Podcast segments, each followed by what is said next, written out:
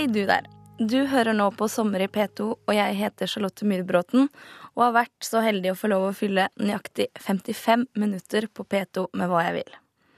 Kjente stemmer som inviterer deg nærmere, sier vignetten. Så hvem i alle dager er du, tenker du mens du maler en husvegg, sitter i bilen eller koker kål på jobben.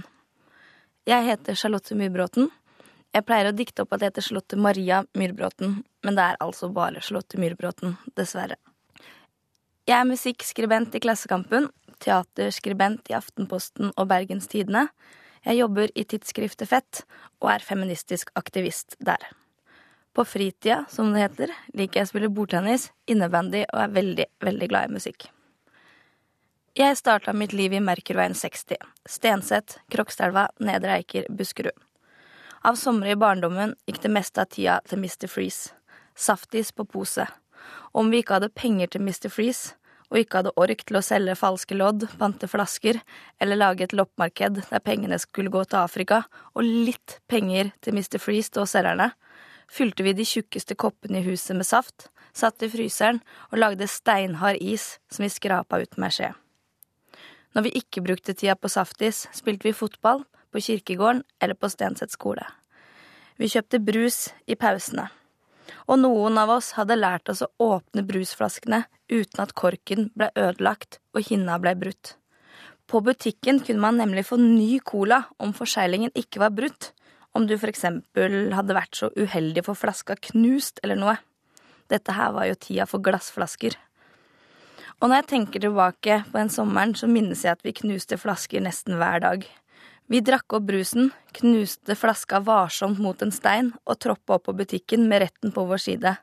Ikke ødelagt forsegling var jo lik ny brus. Det hører ikke med til fortellinga om vi blei avslørt til slutt. Vi med fiende med alle jentene som skrev 'Hest er best' på pulten, og vi var mest opptatt av fotballaget vårt, IBK 82 Øst. Vi var sykt mye bedre enn IBK 82 Vest, de slo oss aldri. Vi var kanskje ni, ti eller elleve år. Vi skrev opp numrene på biler som rusa. Vi var livredd for kidnappere og blottere. Vi fikk Boing og teleplakker i posten til 49,50 og spilte pinball fantasies på Amiga 500. Det var fasttelefoner med seks siffer som vi brukte å ringe til hverandre på om vi ikke steppa opp på døra da og spurte andpustent. Hei, er Andreas hjemme? Hei, er Marianne der? Hei, er Daniel inne? Og noen ganger glemte jeg selvsagt når det var middagstid og måtte vente på rommet mens Andreas, Marianne eller Daniel spiste opp spagetti à la Caprin, pølsegratengen og lapskausen. Vi snakka hemmelig røverspråk, vi sykla og fikk reise og bade på Årbågen aleine om noen større ungdommer var med. Og noen ganger så rømte vi. Men aldri så langt eller så lenge at noen egentlig merka at vi hadde vært borte. Vi var en veldig utålmodig gjeng. Om sommerferien samla vi på fotballklistremerker som vi igjen kjøpte for penger vi vant på kronespill, for vi hadde vel lært oss noen triks på hvordan man alltid kunne treffe femkroneren ved å mukke til så krona spratt hardt i taket og alltid rett ned på femmeren, og dermed så gikk vi nesten alltid litt i overskudd. Alle et mangler klistremerke av Steve McManaman. Liverpools midtbanelegende og vår helt på starten av 90-tallet. En dag utenfor kiosken, den kiosken der man plukka én krone i den og én krone av den når man kjøpte smågodt, hadde alle kjøpt en pakke klistremerker. Og min barndomsvenn og medspiller på IBK, og en av de aller beste på IBK 82 Øst, Andreas Reck, fikk plutselig klistremerke av mannen med de lyse krøllene og den markante øvre tannraden ut av klistremerkepakken. Det var Steve McManaman. Alle så på klistremerket og skjønte at ventetida endelig var over. Da skjedde noe rart. For jeg tror at Andreas Reck ble så satt ut av overraskelsen av at en av oss endelig hadde fått Steve McManaman, at han ga vekk klistremerket til broren min i løpet av noen sekunder. Ingen av oss forsto hva som skjedde. Da nærmet broren min seg plutselig en fullstappa klistremerkesamling med stormskritt. Sånn husker sommerne på Stenseth, de der berømte barndommens somre. I sommer i P2 denne timen vil jeg snakke om steder jeg har bodd, folk som var der jeg var, og hva jeg tror vi tenkte på, fortsatt bryr meg om, og hvorfor valgfrihet egentlig er noe dritt. Det er 100 år siden demokratiet ble innført i Norge i dag, og kvinner fikk stemmerett på lik linje som menn. Jeg vil derfor spille musikk som på ulike måter kan være med på å markere dette jubileet. Første låt ut i Sommer i P2 i dag er svenske Marie Bergman med låta 'Ingen kommer unna politikken'. Låten er fra 1976 og tematiserer arbeidsliv, ansvarsfordelingen i hjemmet og politikken. Den er like aktuell da som nå, med andre ord. Det var altså Marie Bergman med 'Ingen kommer unna politikken'. Og vi gjør et hopp fra Østlandet til Vestlandet. For etter endt skolegang reiste jeg til Bergen med toget i 2001.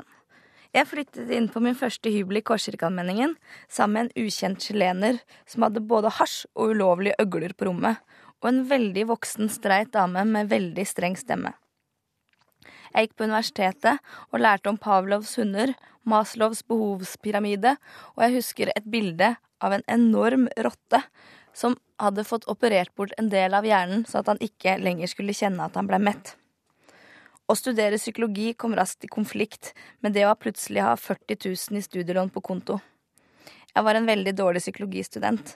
Det var gøyere på både ugla og på hulen. Jeg leste verken jevnt eller trutt, og skippertak var heller ikke noe for meg. Men den forspiste rotta, hundene og Maslow husker jeg fortsatt ganske godt. Jeg ble først opptatt av feministiske spørsmål i Bergen. Jeg har alltid mast mye og alltid spilt høyreving på dette IBK22 Øst, og aldri tenkt noe særlig over at menn dominerer der det er mye makt og mye status. Så det var først i studietida jeg begynte å tenke på feministiske spørsmål. Jeg ble kjent med Åsgeir i studentradioen. Åsgeir hadde akkurat gått fra å være sosialist til å bli anarkist. Han snakka til meg og fortalte om hvorfor det var viktig å være feminist også. Når jeg tenker tilbake på det nå, ser jeg det for meg som en scene fra Sveve over vatna, der doktor Munch belærer fortelleren om de lure tinga i livet. Vi lagde mat på folkekjøkkenet og matbutikkene kasta. Vi aksjonerte mot reklame i byrommet, og vi klatra på hotelltak om natta. Jeg bodde i Østre Murallmenningen 6 da jeg ble opptatt av feministiske spørsmål. Og nå er det et av de fineste ordene jeg veit om, sammen med ordet drink og ordet blom. Feminisme er viktig, også i 2013. Og kjønn fortsatt begrenser hva kvinner og menn kan og bør gjøre. Og jeg er feminist fordi jeg er takknemlig og respekterer valgene og kampene kvinner og menn har ført før oss, sånn at vi kan stemme, gå på skole, jobbe og bestemme over egen kropp. At å bestemme over egen kropp er faktisk noe man ikke kan ta for gitt. Noe vi så tidligere i år, da deler av Høyre ønsket å innskrenke abortloven. Låta The Pill er skrevet av Laureen Allen, Don McCain og TB Baileys. Sangen er skrevet i 1973 og handler om prevensjon, nærmere sagt p-pillen. Sangen har blitt kjent av Loretta Lynn. Artisten hadde selv seks unger, og to av dem ble født før hun var 19. Sangen handler om en kone som er lei av å bli gravid år etter år, men som nå kan endelig slappe av, for hun har fått tak i The Pill. P-pillen kom til USA i 1960 og endret livet til kvinner drastisk og ga dem mulighet til både familieplanlegging og frihet. Prevensjon var jo også et kontroversielt tema, så ikke alle likte den nye kontrollen, og flere radiostasjoner forbød å spille låta The Pill. Selv sa Loretta Lynn i et intervju at The Pill, som til slutt allikevel ble en monsterhit, hadde fungert bedre som opplysningsarbeid for p-pillen enn alle informasjonskampanjene. Fordi countrymusikken i langt større grad nådde de øde, rurale områdene. En låt for selvråderett over kvinnekroppen, det her altså. Dette er Loretta Lynn med The Pill. Du hørte akkurat Loretta Lynn med The Pill. En monsterhit om prevensjon, selvsagt. Du hører på Sommer i P2, og jeg heter Charlotte Myhrbråten. Jeg er skribent og feminist, og snakker om steder jeg har bodd, ting som har opptatt meg, og ting jeg fortsatt bryr meg om. I alt har jeg bodd 15 steder. Ett sted på Østlandet og 14 i Bergen. Eller 16 om man regner med da jeg var med å okkupere hus på Nøst i Bergen, i Jonsvollskvartalet. Bergen boligaksjon okkuperte ikke hus fordi vi måtte. Vi studerte og kunne egentlig bo andre steder.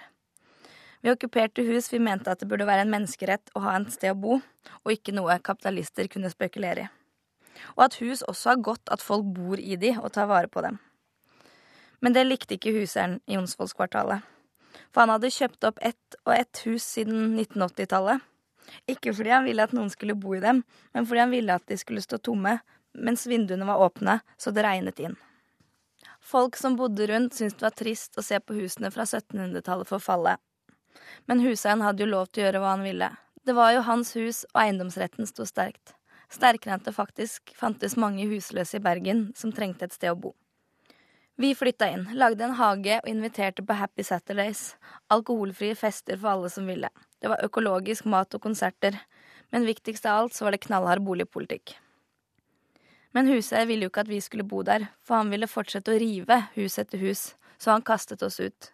Han gikk mot velforeninger og naboer, til det bare sto en parkeringsplass igjen, og alle de gamle trehusene var borte.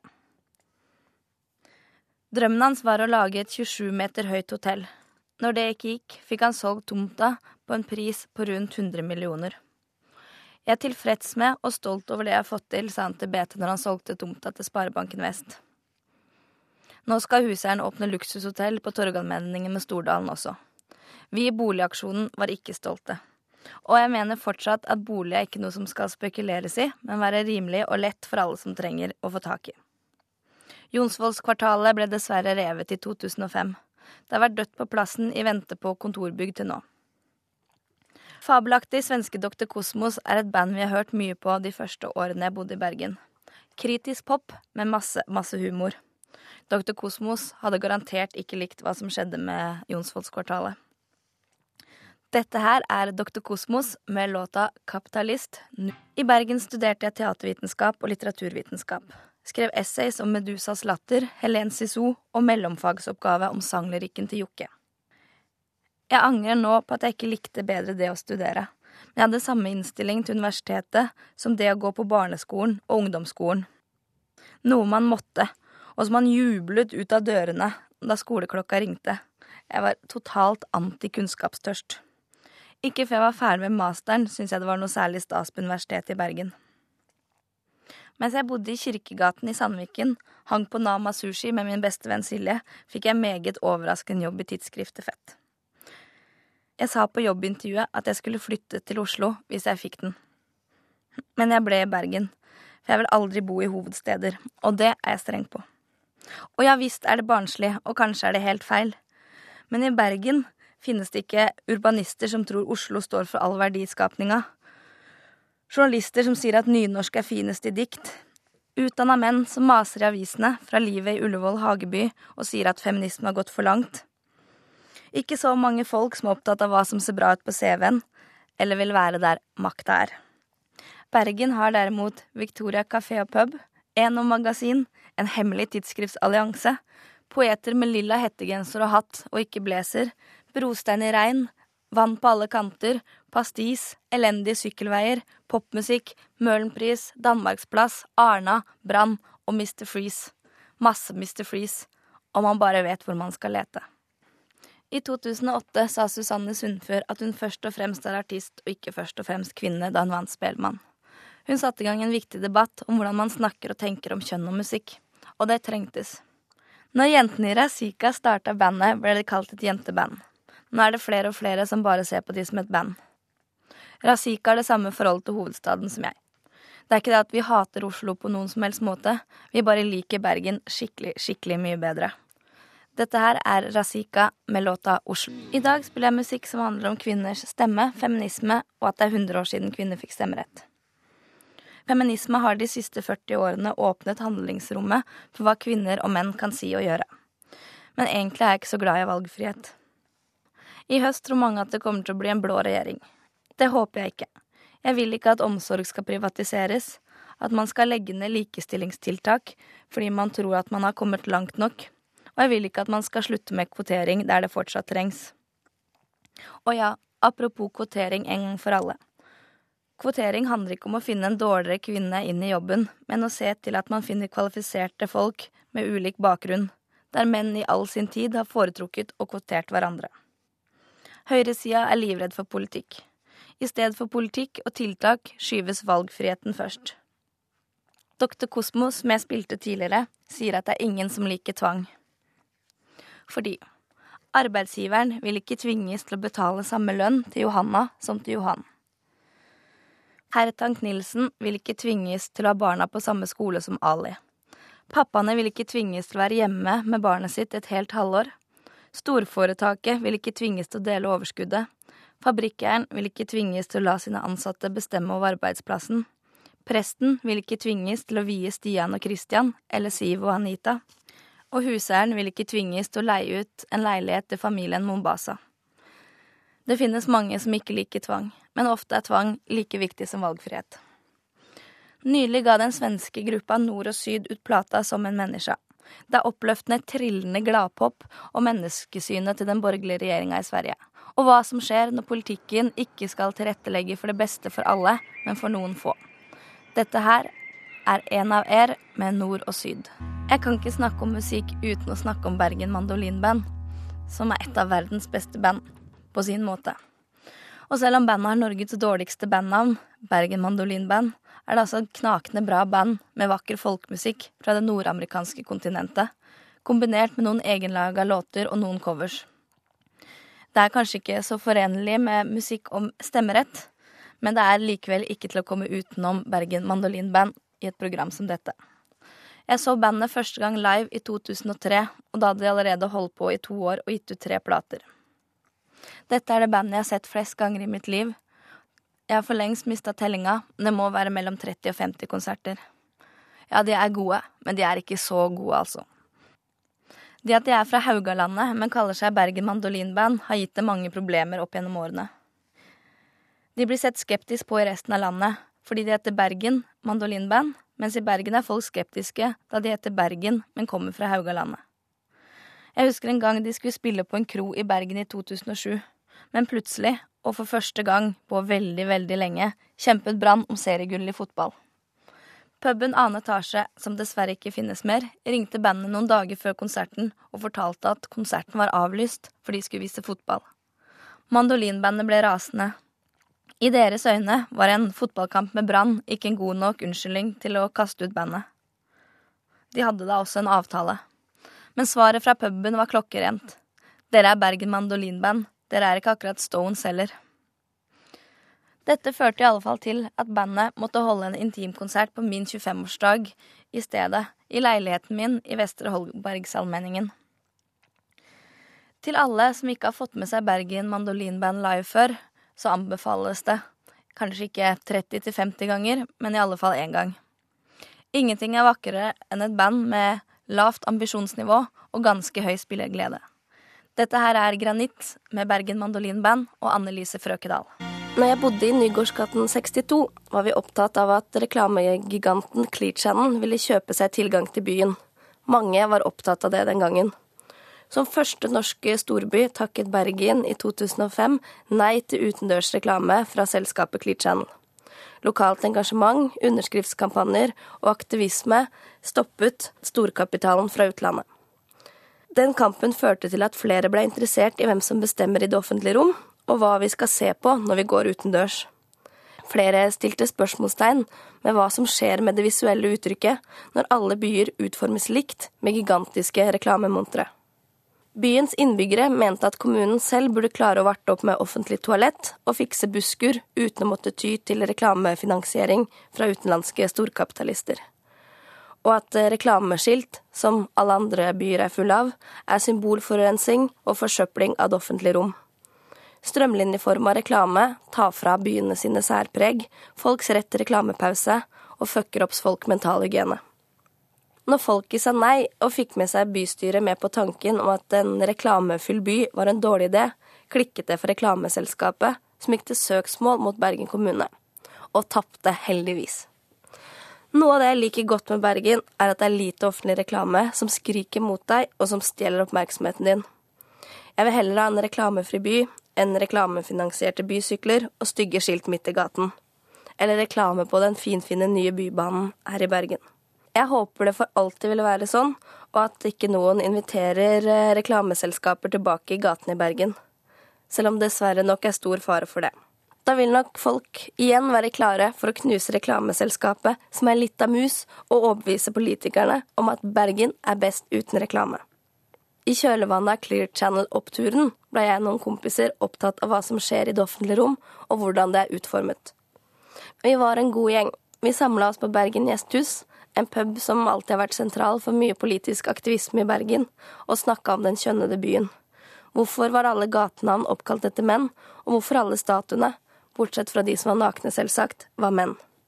Det virka som at kvinner ikke hadde utretta noe om man skulle lese byens signaler. Natt til 8. mai i år arrangerte vi da det vi den gang ga navnet Kvinnehistorisk natt for sjuende gang. Målet for Kvinnehistorisk natt var å hylle våre helter i offentligheten. Denne kvelden hvert år samles folk og henger opp plakater av en dame som på en eller annen måte inspirerer, motiverer eller betyr noe helt spesielt. Det kan være alt fra din bestemor, din yndlingsromanfigur Marit Bjørgen, Gro Harlem Brundtland eller noen helt andre. Selv har jeg hengt opp Cecilie Høygård, Lilly Allen, Marit Breivik og Razika. Om man vil være med på Kvinnehistorisk natt, lager man en plakat som bare fantasien setter grenser for. Du kan tegne, male, kopiere, klippe og lime på det formatet du selv velger. Man kopierer deretter så mange plakater du ønsker, og møter opp på et avtalt sted. Så går folk sammen rundt i byen, eller du kan henge det opp når det passer for deg. Dette spredde seg både til Oslo og Trondheim, og i Russland. I år var det hele tre russiske byer som var med på aksjonen samtidig. Så neste gang du går rundt i byen din, tenk på hvor mange kvinner som er representert i byrommet, og hvor mange plasser som er oppkalt etter kvinner. Så neste gang du går rundt i byen din, tenk på hvordan kvinner er representert i byrommet, og mange plasser som er oppkalt etter kvinner. I Sverige har mange rappere gått sammen for å endre kjønnsbalansen i svensk musikk. Det trengs også. Det her er Fantastic med Blandom.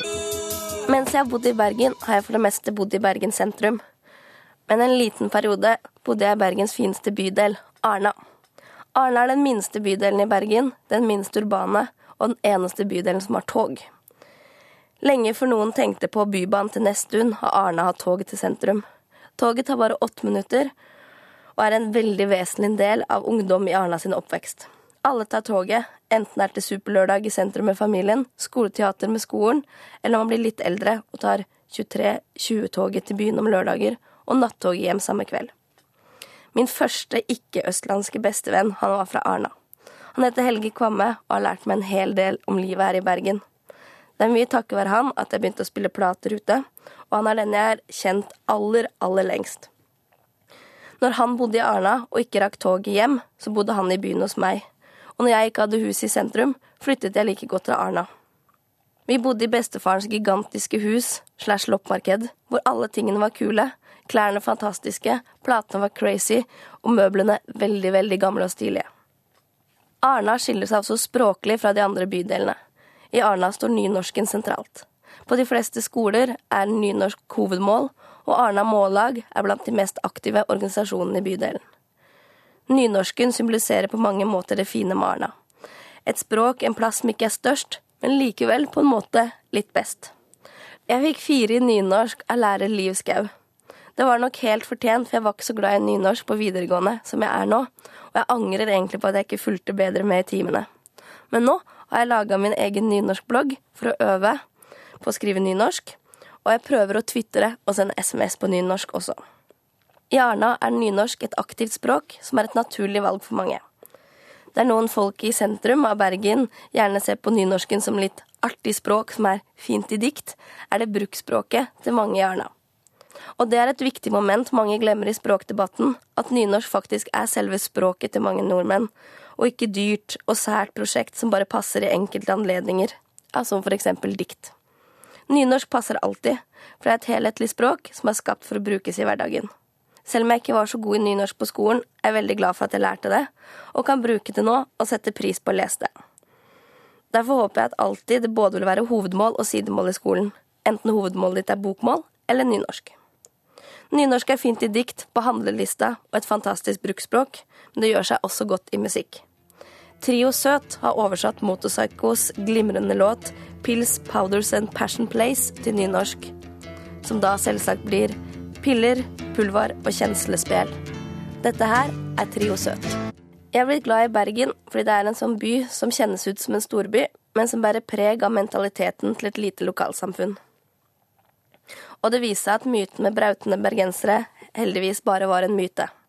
På Åpen post for noen år siden hadde de en sketsj om Bergen. De sa at det var en stor nok by til å gjemme seg borti, men ikke så stor at det var to utesteder for homofile. Og det er helt sant. Det fins bare Finken her i byen. Eller det var en liten periode at legendariske Ugla delte seg i to. Der var brun biljardpub på den ene siden, og på den andre, som stereotypt nok fikk navnet Sailor, var et skeivt utested. Det er mange steder og barer som er fine i Bergen. Finest av alle er Victoria kafé og pub. En bitte liten pub i Kong Oscars gate 27, drevet av en høy og en lav bror med anorakker og fargerike joggesko. Det er moren som lager interiøret, og hun pynter med klistremerker og CD-cover og ting som er klippet ut av aviser. Møblene er gamle og stilige. Og på veggene er det gamle bilder fra Brann stadion, og i bokhyllene ligger det gamle fanziner. Alle på Victoria elsker Brann, og de elsker også å hate Brann. Det er en bitte liten stue med verdens beste mat, med masse ekte smør. Kokken serverer masse kjøtt, men spiser bare veggismat selv. Nesten. Men det er en hemmelighet. Jon Olav Nilsen, Lars Vaular, Razika, Fjorden-baby, Vilde Tuv, ja, lista er lang, hatt noen av sine første og mest legendariske konserter her.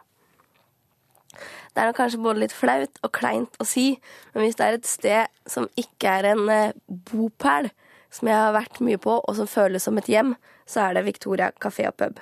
Her skjer det gøyeste, og her henger de fineste. Her spilles den beste musikken, og her skapes historiene. For meg er dette her hjertet av Bergen.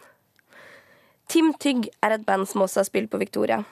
Tim Tygg består av Johanne Birkeland og Mari Kvin Bruvoll som begge synger og spiller på gamle og delvis ødelagte instrumenter de i utgangspunktet ikke kunne spille på.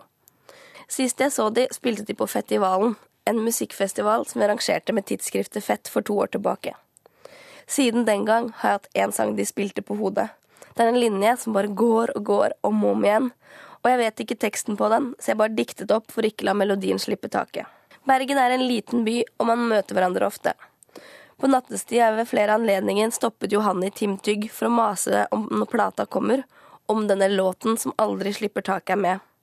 Hun svarer alltid at hun ikke vet, og jeg svarer at jeg må høre sangen snart. Og hun er grei og synger den for meg. Oftest inne på den lille røde puben Legal. Og jeg våkner med lett fylleangst for at jeg igjen har mast om samme sangen. Rett før dette spilles inn, har jeg mast igjen om sangen som aldri forlater hodet.